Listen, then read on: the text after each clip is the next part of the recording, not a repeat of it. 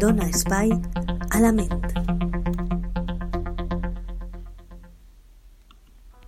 Hola a tots i totes, benvinguts una setmana més a Dona Espai a la Ment. Avui, com vos deia últimament, vull introduir-vos un poquet més en el tema de la psicologia, com a ciència, com a temes d'estudi. Avui vull parlar-vos de les teràpies de tercera generació. Bé, quan parlem de teràpies de tercera generació, estem parlant d'un dels més recents tipus de teràpia de conducta, elaborades tenint en compte les limitacions de les seues antecessores. Per entendre què són, és necessari en primer lloc recordar que és una tècnica o teràpia de conducta. La persona amb un trastorn mental sol experimentar un profund malestar producte de la realització o dels efectes de la realització de patrons conductuals i de pensament que no li serveixen de manera eficient per explicar o interactuar amb el món, resultant la conducta poc adaptativa i veient-se limitat en obra i en obra o pensament.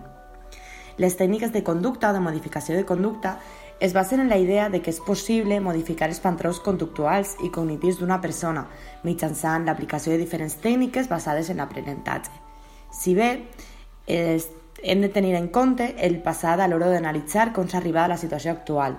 El treball a realitzar se centra en la problemàtica i en els, en els símptomes actuals i en com canviar-les. És a dir, utilitzem el passat per a, per a saber com s'ha arribat a aquesta situació, però ens basem en canviar el, el, el present. La modificació d'aquests patrons o l'adquisició d'uns altres permetrà que el subjecte pugui tindre una conducta més adaptativa, lluitant i enfrontant els símptomes del seu problema d'una forma més o menys directa i permet eh, alleujar-se del sofriment de la persona i optimitzar les seues habilitats i funcionalitats com a ésser humà. Què són les teràpies de tercera generació? Bé, les teràpies de tercera generació o de tercera ola, que també es coneixen, són teràpies de conducta o el conjunt de teràpies de, de conducta i tractaments creats amb el propòsit de realitzar una modificació de la conducta del pacient, però des d'un enfocament més global i pròxim a la persona, més que centrar-se en el problema, tenint en compte la vivència del pacient i del seu problema i com el context social i cultural ha produït que la seva conducta siga poc adaptativa.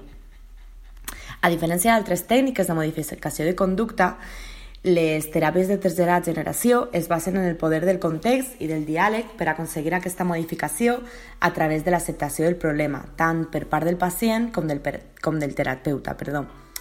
Bé, quin és l'objectiu d'aquest tipus de, de teràpies? Bé, pues, l'objectiu principal d'aquesta mena de teràpies passa per canviar la manera de, de percebre el problema per part de l'individu tractat sense intentar un control extrem o extirpar les seues conductes com si anaren una cosa de la qual avergonyir-se.